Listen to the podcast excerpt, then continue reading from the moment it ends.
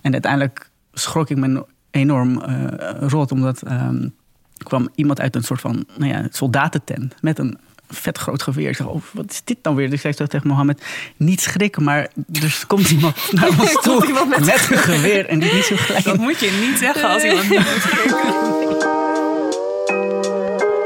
Hallo, ik ben Christian Niels, de nieuwe en eerste Diversity and Inclusion Officer bij Triodos Bank. In mijn functie wil ik collega's inspireren en bewuster maken van vooroordelen. Ik heb in de afgelopen maanden gezien dat zelfs een progressieve bank als Triodos zeker nog stappen kan zetten. Samen met Talita Muse ga ik wekelijks in gesprek met koplopers, rebellen en dwarsdenkers die al inspirerende dingen ondernemen op dit gebied. Daarom deze podcast. Ik ben Talita Muse, ondernemer en werkzaam in de media. Mijn missie is bijdragen aan een wereld die naast duurzamer ook inclusief is voor toekomstige generaties.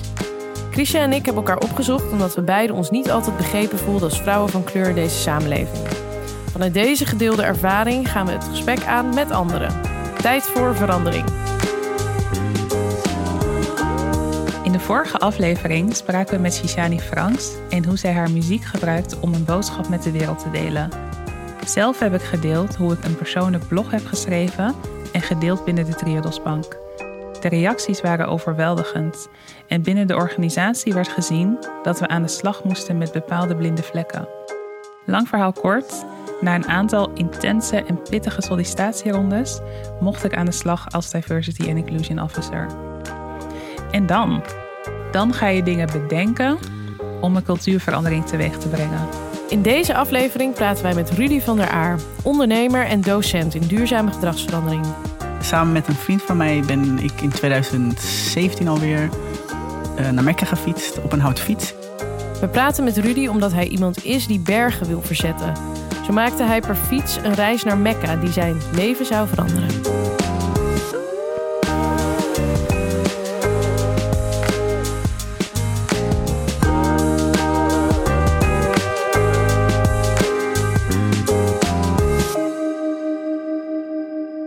Die vriend van mij, Mohammed, had het idee om naar Mekka te gaan fietsen.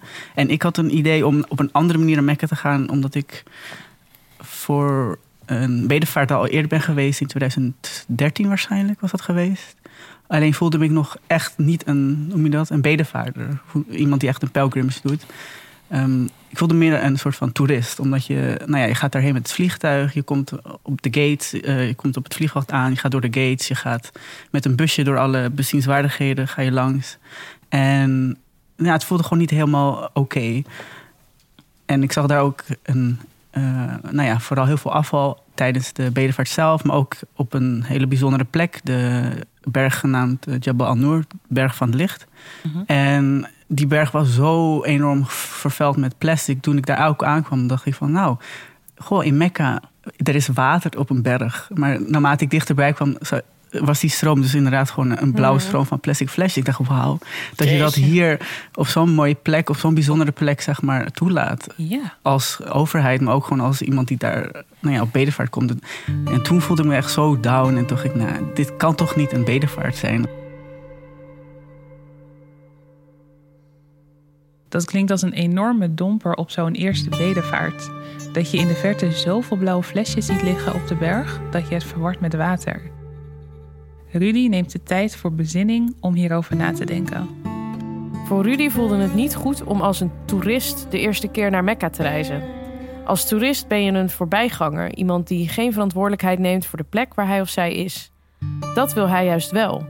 Rudy haalt hiervoor inspiratie uit het boek The Green Dean, een boek waarin de islam leert hoe je voor de aarde moet zorgen. Dus de groene ja, levensbeschouwing, hoe islam zeg maar de groene aspecten uh, uh, benadrukt.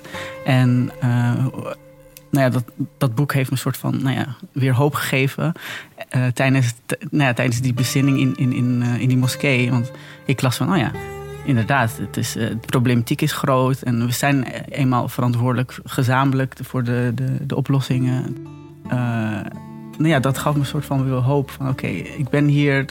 Het heeft vast ergens mee te maken. Misschien moet ik gewoon nu maar een intentie doen dat ik wel weer terug wil komen, maar dan op een andere manier. Nou ja, die vriend van mij die was er al mee bezig en die vroeg me ineens van ja, ik ben van plan om naar Mecca te fietsen, wil je mee?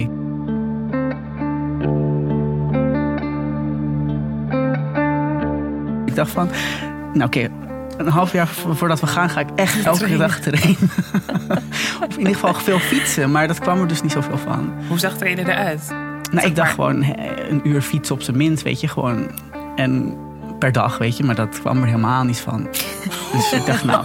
En inderdaad, naarmate die. Week voor de. Die, dacht, oh shit. maar eigenlijk wat het met fietsen is, je maakt maar één constante beweging. Dus eigenlijk, weet je, als je een beetje fit bent, natuurlijk, is wel handig. Maar het is niet echt een speel om echt getraind naar zo'n reis te gaan. En, je moet jezelf gewoon kennen. was ook niet om daar zo snel mogelijk te komen, toch? Nee. Uh, onze doel was uh, nou ja, tijdens de reis inderdaad verbinding te leggen met, met, met verschillende soorten mensen. Maar vooral ook inderdaad duurzaamheid uh, te promoten onder onze volgers. En uh, nou ja, als je zo'n reis maakt, weet je, het gaat allemaal zo langzaam, of langzamer. en je, je, beseft dan ook zoveel meer dingen en je gaat meer respecteren. En dat was uiteindelijk ook een soort van bijdoel geworden van deze reis. Ja. Gelukkig hadden we ook social media als, als, als, uh, als tool gebruikt. Als we dingen zagen op onderweg, als we mensen tegenkwamen waar we interessante gesprekken hadden, daar, dat deelden we daar uiteraard gewoon op. Maar onderweg hadden we uh, wel echt uitgekozen om bij mensen thuis te gaan, gaan, gaan slapen. Dus via een platform Warm Showers genaamd. Zijn we bij mensen thuisgekomen die we normaal gesproken niet zouden ontmoeten. En daar gingen we dan ook gesprekken mee aan. Van, nou ja, hoe, kijk jij daar tegenaan? Hoe ziet jouw leven eruit? Echt ook om elkaar te leren. Mhm. En nou, dat was wel echt een van de mooiste dingen uiteindelijk. Omdat je toch nou ja, anderen ontmoet en van elkaar leert. En ook de volgers uh, nou ja, bewust maakt van... oké, deze mensen zijn niet zo vreemd als je denkt. Want natuurlijk, uh, duurzaamheid was wel echt een kern van onze reis... maar juist die verbinding aangaan met anderen... als je gaat reizen, gebeurt dat eenmaal. Je komt verschillende landen, je ontmoet verschillende mensen... en als je langzaam door elk stadje heen fietst... ja, dan ontmoet je gewoon mensen. Rudy is amper de grens over... en hij betrapt zichzelf al op zijn eigen vooroordelen. Eén bijvoorbeeld was in Duitsland diegene was zo snel met reageren. En nou ja, ik dacht oké, want we zouden eigenlijk bij iemand anders gaan slapen, bij een jonger iemand. Um, en die had lesminute afgezet, dus ik snel couchsurfing. Nou en hij was echt binnen vijf minuten had hij een reactie gegeven. Oké, nou leuk. Maar toen betrapte ik mezelf uit en ik ook wel weer van... oh, deze goos ziet er apart uit. Hm, interessant. Hmm, en ik maakte er een beetje een grapje over met, me, met, met die vriend van mij. En dat had ik dus nooit moeten doen, want toen kwam ik mezelf dus echt tegen. Dus we kwamen er daar dus aan. En dat was één man die gewoon totaal verlamd was. Gewoon, die zat in een oh. rolstoel, die kon de armen niet bewegen, benen, nou, had hij niet eens. Uh, maar hij was wel gewoon fulltime aan het werk als IT'er. En hij reisde superveel met zijn vriendin, die gewoon heel gezond was. En ik dacht, wauw, zo iemand op deze reis ontmoeten, het kan niet meer stuk. Weet je, dat was in de eerste grote stad waar we kwamen. Ik denk, oké, dit is waarschijnlijk iets wat we vaker mee gaan maken op deze reis. Dus wezen van. Pijnlijk eigenlijk, hoe vaak we elkaar verkeerd inschatten of veroordelen. En anderzijds ook mooi om te horen hoe je kunt reflecteren op je eigen vooroordelen. En heel eerlijk, wat zou jij denken bij de woorden: twee moslims die in je huis willen crashen? Dat was ook onze eerste host waar we mhm. toevallig gingen slapen. En zij, uh, een oudere mevrouw van rond de 50, 60. Uh, en zij had ons geaccepteerd. Ik was super blij. Nou, interessant. Ik zat uiteindelijk met haar aan tafel alleen. En ze zegt van, ja, ik moet iets bekennen. Want uh, ja, ik wilde eigenlijk niet accepteren. Maar ik, ik, zat met mezelf te worstelen. Want jullie zeiden Mekka en fietsen, heel leuk en aardig. Maar ja, ik ken jullie niet. En... Mhm. En uiteindelijk uh, zei je ook iets van iets met crashen. En dat begreep ze niet. Maar ik had dus gezegd van kunnen we bij, bij jullie crashen als in. Maar jij zat, zag, zat gelijk ook een, een, vooroordeel. Oh, twee moslims op een fiets. Crashen, boom. Wat gaat hier gebeuren? Uh, maar toen heeft ze wel oprecht gezegd van nee, die gedachte mocht ik mezelf niet, weet je, mocht ik niet hebben. Dus ik heb jullie gewoon wel geaccepteerd. En was ik zo blij omdat ze dat wel met mij heeft gedeeld. Mooi. De tweede keer was iets minder leuk. Uh, dat was de grensovergang met Macedonië en Griekenland. We wilden uiteraard de officiële weg gaan, maar Google Maps, nou ja, je weet hoe Google Maps werkt, die gaat de kortste route nemen. En we zagen ook dat via de berg ging. Dus ik dacht, nou, misschien ook sneller. Dus we gingen uiteindelijk via die uh, route, uh, wilden we de grens over.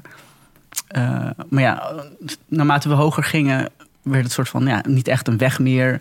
En uiteindelijk schrok ik me enorm rot, omdat... Um, kwam iemand uit een soort van nou ja, soldatentent met een vet groot geweer. Ik zeg, oh, wat is dit dan weer? Dus ik zei zo tegen Mohammed, niet schrikken, maar er komt iemand naar ons toe iemand met- met een geweer. En die niet zo gelijk Dat moet je niet zeggen als iemand niet moet schrikken. Uh, Oké.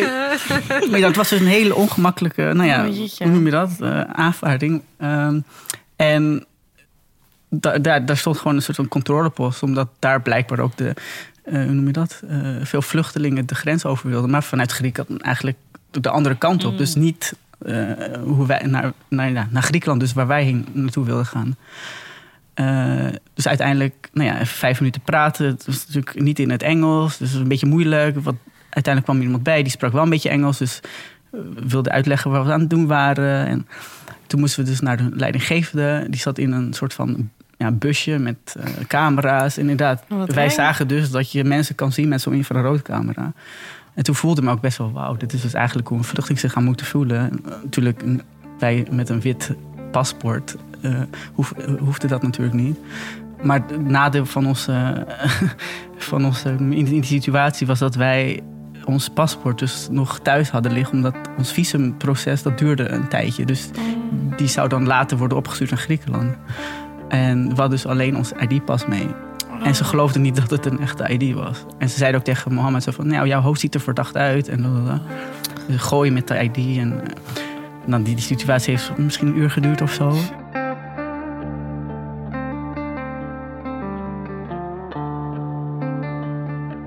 Wat dan wel weer mooi was, was uiteindelijk ging het een soort van gebedsoproep in de bergen. De situatie gelijk was heel anders. Ik dacht, oké, wat gebeurt hier? Maar ze ging ineens selfies maken. En eh, uiteindelijk, na, na een kwartier praten, zei ze van... Nou ja, eh, je kan via be- beneden kan je de weg... en dan ga maar via de officiële snelweg, overgang... daar met de grens over. Ik dacht, oké, wat is hier nou weer gebeurd? Want oké, de situatie, wat is er Ja. gebeurd? Maar ja, ik zag dat als een soort van teken van... oké, het is rustig nu, weet je... eh, Ja, we gaan de grens over. ja. en het ironische daar was, toen we de grens overgingen... eh, waren we daar bij het loket. Ja, ga maar door. Huh? Moet ik niet iets laten zien op zijn minst mijn ID of zo? nee, ga maar. Nou, wij dus doorfietsen. Oké.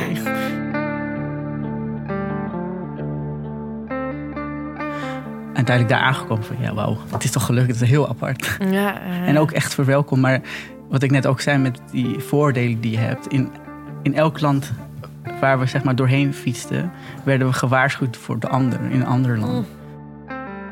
Tot in Saudi-Arabië werd door Egyptenaren nog ja, die, die Saudis zijn gek en gevaarlijk. En, eh.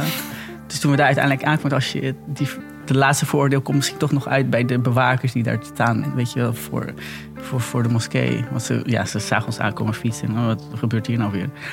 Maar uiteindelijk ook binnen één minuut. Selfie. Hey, hey, chill. Wat heeft je dat geleerd over... eh, wat heeft het gedaan met je mensbeeld? ja, totaal. Weet je, don't judge. Je kent elkaar niet eens. Dus waarom zou je een oordeel hebben? Tuurlijk, in verschillende landen weet je hoe het politiek eraan toe gaat. Of de culturele gewoontes of iets dergelijks. Maar dan nog, weet je, praat eerst met die mensen voordat je daar een oor over heeft. Ja. Dit verhaal over de grensovergang, dat lijkt mij dus echt doodeng. Ik vind het knap hoe Rudy in zo'n angstige situatie rustig blijft. Hij gaat gewoon letterlijk een gebedsoproep doen. Gelukkig loopt het allemaal goed voor ze af. Wat maakte deze reis vol gevaren nu echt de moeite waard voor Rudy? ja, dan zou ik toch zeggen de, de mooie ontmoetingen met zulke verschillende mensen. Want, eh, nou ja, dat voorbeeld wat ik gaf met die ene Duitse meneer. Zulke g- g- ontmoetingen g- waren de hele reis door. En we zeiden ook tegen elkaar van... oké, als we de reis nu zou moeten stoppen... dan is eigenlijk al geslaagd, weet je. Er, er is zoveel al gebeurd op deze route... en zoveel hebben we al gezien. En zeker qua natuur, wat je dan extra bijblijft... omdat je zulke mooie nou ja, gebieden ziet... die anders gesproken nooit ziet. Ja, dan doet al zoveel met je. En het gaat uiteindelijk om de reis er naartoe... de voorbereiding er naartoe... en de, nou ja, de struggle of de... noem je dat? De ja, interne reis die je daar Mhm. maakt voor je, met jezelf. Als die al een soort van ja, gestart is, ja, dan is het al geslaagd. Ook al bereik je de, het einddoel niet, als, bij Mhm. wijze van. Nu denk ik van, oké, als ik nog die ander niet ken... of als ik inderdaad nog niet weet hoe een bepaalde situatie is... ja, eh, maak die reis maar eerst. Dat kan inderdaad figuur of letterlijk zijn... om de ander beter te leren kennen. En tuurlijk heb je altijd vooroordelen, maar ja, je moet daar gewoon zo min mogelijk aan deelnemen. Ja. Ondanks dat ik nooit meer dan 60 kilometer op een dag heb gefietst, voelt het toch een beetje alsof ik heb mee kunnen fietsen met Rudy en Mohammed op een reis naar Mekka. Sinds ik Diversity and Inclusion Officer ben, ben ik als het ware ook een reis gestart. In het uitvogelen van mijn functie kom ik veel obstakels tegen, waaronder mijn eigen vooroordelen over anderen. De uitdaging is om hierover in gesprek te gaan. We zijn niet in één keer af van onze vooroordelen of blinde vlekken. Dit geldt voor mij en al mijn collega's bij Triodos Bank. Het gaat in heel veel kleine stapjes. Terug in Nederland is het nog duidelijker voor Rudy wat hij wil doen. Over de natuur en duurzaamheid praten met mensen op een manier dat zij ook gezien en gehoord worden. Rudy heeft op zijn reis geleerd zich in de ander te verplaatsen en van daaruit te praten over duurzame gedragsverandering. Een voorbeeld hiervan is dat Rudy onderwijs geeft aan kinderen over de natuur. Onder andere bij de Verwakka Ondernemersschool. Ja, vooral eh, kinderen eigenlijk bewust maken van, van, van, uh, van de natuur en hoe het werkt. En uh, ja, deels problematiek, maar ook weer niet te, zwaar maken. zodat ze toch wel positief weet je, naar de toekomst kunnen kijken. Vooral de ge gelijkenis maken met de natuur en, en beestjes, hoe zij eigenlijk aan het werk zijn bijvoorbeeld met, met een worm, die is eigenlijk zo bijzonder. Dat, dat we eigenlijk niet beseffen dat, dat het bestaat. Want het is onder de grond, we zien het niet. En, maar zolang we ja, er niet over leren en, en, weten hoe zo'n worm eigenlijk werkt. Uh, weet je, dan, dan bijvoorbeeld uh, kinderen, die zijn zo, hoe noem je dat? Die zijn zo puur en zo nou ja, die zijn zo blij als je vertelt hoe zo'n worm zeg maar compost bijvoorbeeld maakt. En dan gebeurt dat zo. En, en, en, en, volgens mij als je dan dat benoemt en, en, en dat bij ze, eh, dat, als ze daarvan bewust worden, gaat een soort van iets aan of zo in hun hoofd van, oh ja, zo werkt het eigenlijk. En zo, is het, zo werkt dit dier of zo werkt dat dier. Dit klinkt heel erg cheesy, maar kinderen zijn de toekomst. Dus ik ben blij om te horen dat Rudy zo gepassioneerd is om kinderen op jonge leeftijd de liefde voor de natuur bij te brengen. In mijn functie werk ik juist met volwassenen, maar ik denk bij veel keuzes die ik maak wel aan de mensen, nu nog kinderen, die na mij komen. En ik hoop dat mijn keuzes ervoor zorgen dat zij een belangrijke plek aan tafel kunnen krijgen en dat ik een beetje als een rolmodel kan dienen.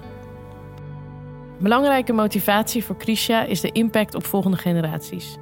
Ze is zich erg bewust dat alles wat zij doet weer invloed heeft op de kansen van alle jonge mensen die na haar komen. Dat zal vast veel druk geven. Dus ja, dat, uh, dat is soms wel heel zwaar. Als je dan wakker wordt en denkt van oké, ja. ben ik, ik ben op een missie. ja, maar het, is, het maakt het ook weer heel, heel um, hoe zeg je dat? Dat je niet meer alleen voor jezelf bezig bent of je doet het alleen maar van, nou weet je, dan kan ik mijn rekeningen betalen. Je doet het echt voor, nou, letterlijk voor de toekomst. Zo voel ik dat wel. Na mijn afstuderen heb ik uh, wel vaak meegemaakt... of dat ik in een situatie bevond... dat ik inderdaad de enige met kleur was tijdens, tijdens een conferentie... of, of een, van de, een van de weinigen. En dat stoorde me nogal. Zeker omdat ik denk van... ja, maar er zijn genoeg mensen die er ook interesse in hebben... waarom worden niet, die niet bereikt met dezelfde achtergrond dan? Of uh, waarom word je toch nog weer net iets anders behandeld... terwijl je bent geboren en zelfs een hele super Hollandse achternaam hebt. En een Nederlands vader. Maar toch, weet je, daar zit iets wat niet helemaal oké is of zo. En uh, ja, ik, ik, in mijn jeugd heb ik denk wel iets, iets als een soort van, nou ja, niet per se een rolmodel, maar wel iets uh, als iemand gemist waar ik inderdaad mee, uh, hoe noem dat, affiniteit of waar ik, hoe noem je dat? in kon herkennen. kon herkennen inderdaad. Ja. Het gebrek aan een rolmodel of representatie kan frustreren en bepaalde vooroordelen in stand houden. En in een extreem geval kunnen deze vooroordelen een gevaarlijke situatie opleveren. Ik moet denken aan het voorval vorig jaar op 25 mei in New York. Christian Cooper, een zwarte man, was vroeg in de ochtend vogels aan het spotten in Central Park. En toen kwam er dus een, uh, een, witte vrouw met haar hond en die had ze niet aangelijnd. Dus hij vroeg aan haar van, hey, zou je alsjeblieft je hond kunnen aanlijnen? Want uh, die mogen hier niet rond, uh, of niet loslopen. En die vrouw in kwestie, die, um, nou ja, die wilde daar niet naar luisteren. En die zei van, uh, ik ga de politie bellen. Dus die heeft de politie gebeld. En uh, die ze zei van, weet je, dit is een Afrikaans-Amerikaanse man. En hij bedreigt me en ik vrees voor mijn leven. Oh. En het enige wat hij deed, was haar filmen. Om, eh, om in elk geval bewijs te hebben van wat er ook gebeurt. Dat hij in elk geval op film heeft wat, daar, wat zich daar zou afspelen. En ik, ehm, ik vind dat heel eng om dat soort berichten te lezen. Want ik, ik, het voelt echt als een soort, ehm, ja, hoe zeg je dat? Een soort thriller van, oh nee, als, hij, als die man het maar wel overleeft. Mhm. En dan vind ik het vooral pijnlijk als je dan dus bedenkt van dat later die dag eh, George Floyd nou ja, zijn leven verliest. ehm, eh, nou, op een hele andere plek. En ik, ik, was, ja, ik ben dan gewoon benieuwd van wat zegt dat dan over eh, de vooroordelen die we hebben over mensen van kleur die inderdaad in de natuur zijn en gewoon willen genieten van vogels kijken of, of, of planten of wat dan ook. En dan doet het me gewoon heel erg pijn dat dat, dat, dat zeg maar zo kan misgaan als het ware. Mm. En ehm, ja. Ik, ja, ik moest, ik moest er ook gewoon aan denken. Denk van dit is, zeg maar, door die voordelen die we hebben en een gebrek aan diversiteit ontstaan er dus dit soort, nou, dit soort gebeurtenissen. Mhm. Ja, wederom weer die beeldvorming. Waarschijnlijk Ja. heeft nooit iemand inderdaad een man met een donker huidskleur vogels zien spotten. Ergens op een flyer of wat dan ook, of een tv-programma. En dan zouden ze dat waarschijnlijk ook niet voor aanzien. Ja. Ja. Hmm. Als jij bijvoorbeeld een organisatie bent, ik noem geen namen, maar die bijvoorbeeld eh nou ja, natuuruitjes of natuurrondleidingen promoot. En je zet een, een echtpaar met twee witte Met eh, van die wandelstokken op je flyer. Ja, daar gaat niemand op afkomen met een kleur. Eh, Dat is gewoon iets wat ze niet doen. Maar hoe verander je dan de norm? Hoe zorg je ervoor dat iemand niet verbaasd is om een man van kleur naar vogels te zien kijken?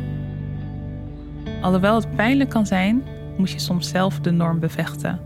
En bevechten klinkt misschien wat heftig, maar dat kan op heel veel manieren. Shishani doet het door haar muziek, Talita als ondernemer en commissaris. Ik deed het door een blog te schrijven en Rudy doet het op zijn manier. Voor een organisatie kun je als een aanwinst worden gezien doordat je met je andere culturele achtergrond het team diverser lijkt te maken, oftewel tokenisme.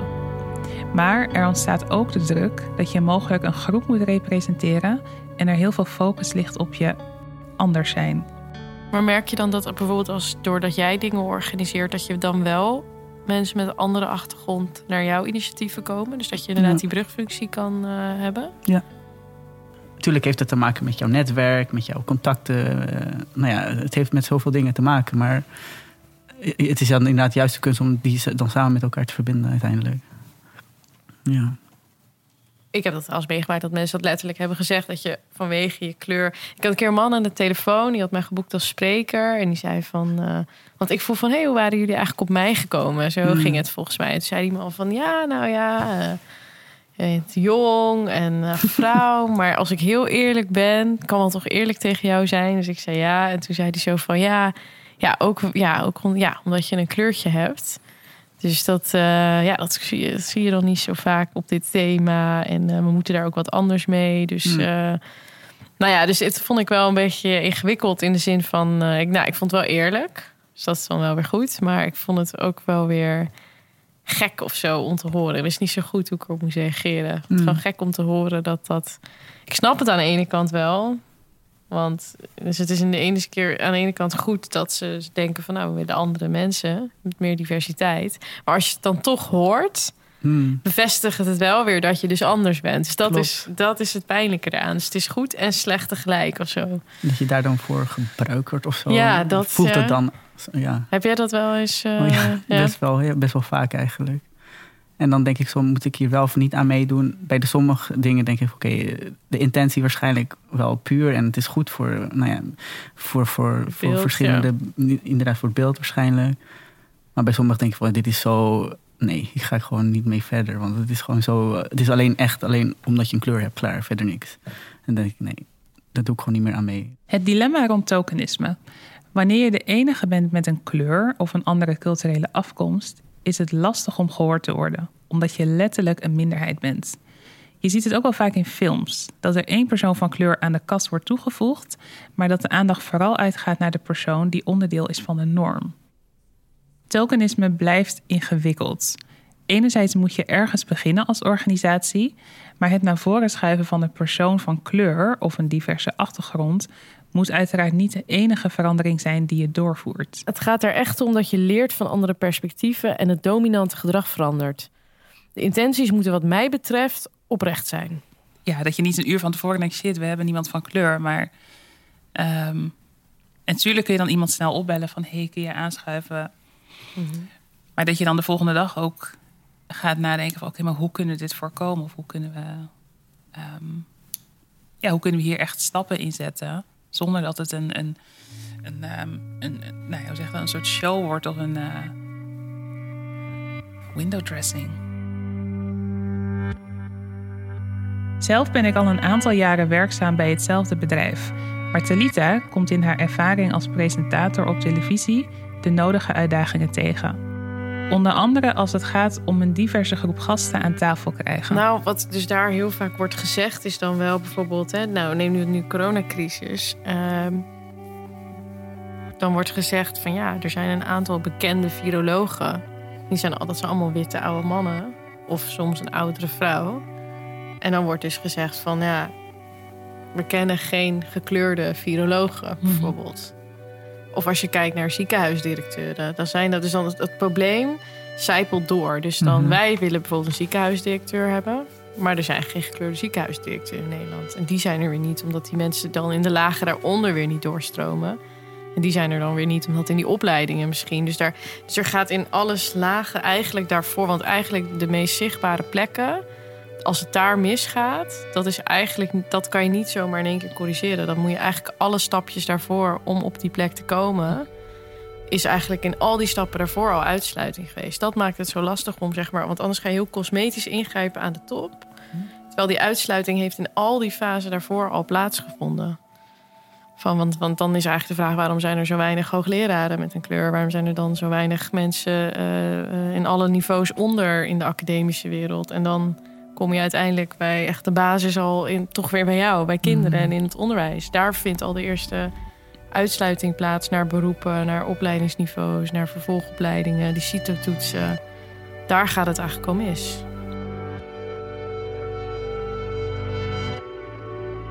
je zou kunnen doen. Ik heb wel een meisje die ik ken, die doet dat heel knap.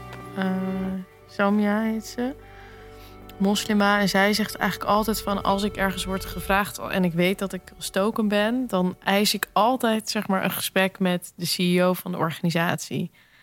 Wow. Uh, dus ik had haar pas gevraagd voor een project bij UNICEF. En zij vindt dat UNICEF ook op een niet goede manier een rol speelt in de ontwikkelingssamenwerking in landen. En ook te veel stereotypering doet. En toen zei ze ook: ik ga alleen meedoen bijvoorbeeld aan dat interview.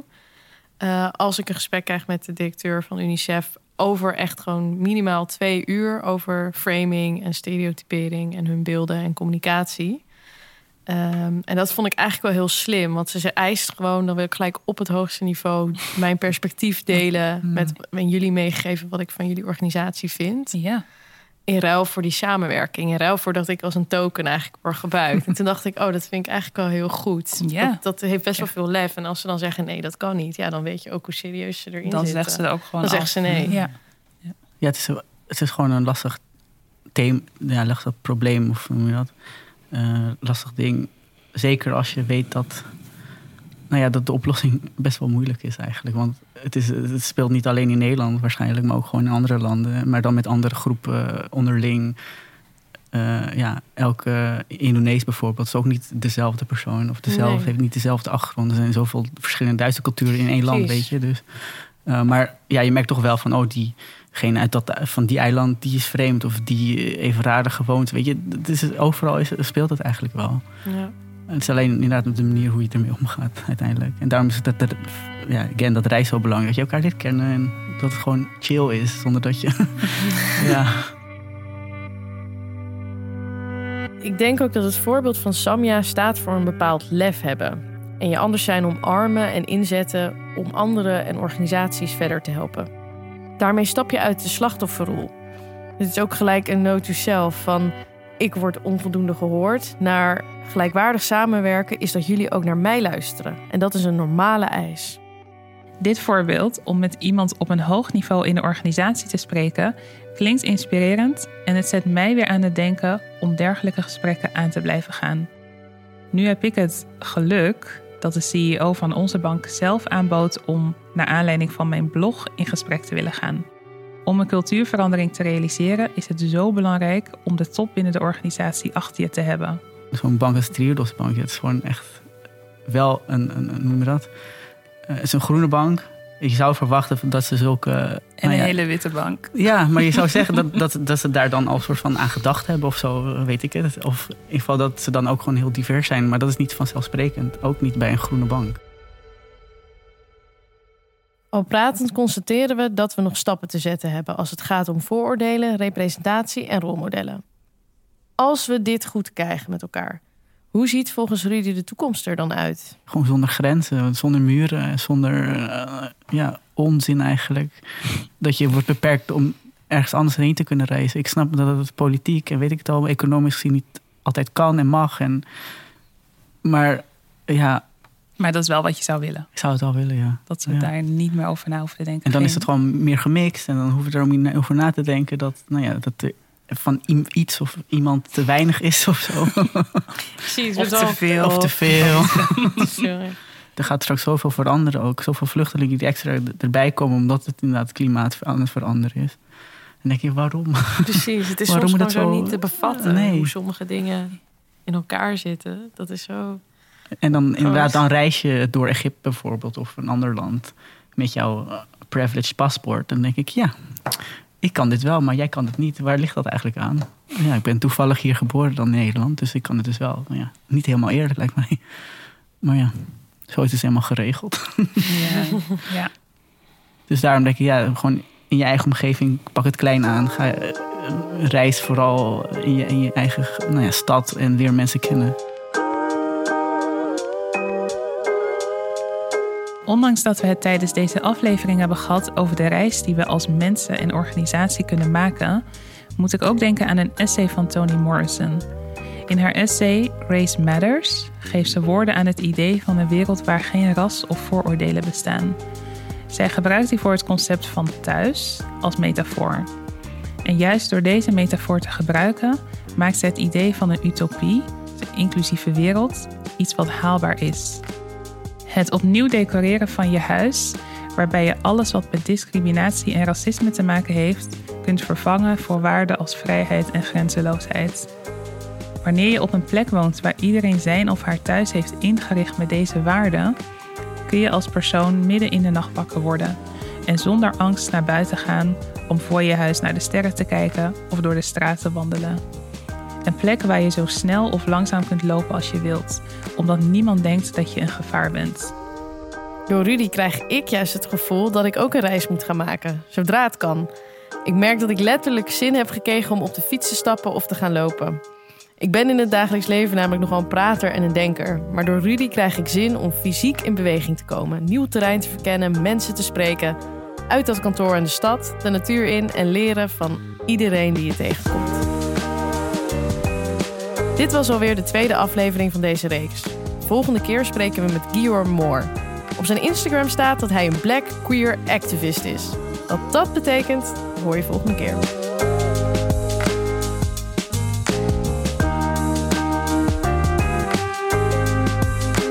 De beste collega wordt gepresenteerd door Talita Muze en ikzelf, Christian Niels. De podcast is een initiatief van Triodos Bank en wordt geproduceerd door het Podcastkantoor. Over twee weken zijn we terug met een nieuwe aflevering. Abonneer je daarom alvast op de plek waar je deze podcast hoorde. En mocht je tijd hebben, zou je ons een handje kunnen helpen door een review achter te laten, zodat we beter vindbaar zijn voor nieuwe luisteraars. Tot over twee weken bij een nieuwe aflevering van Beste Collega.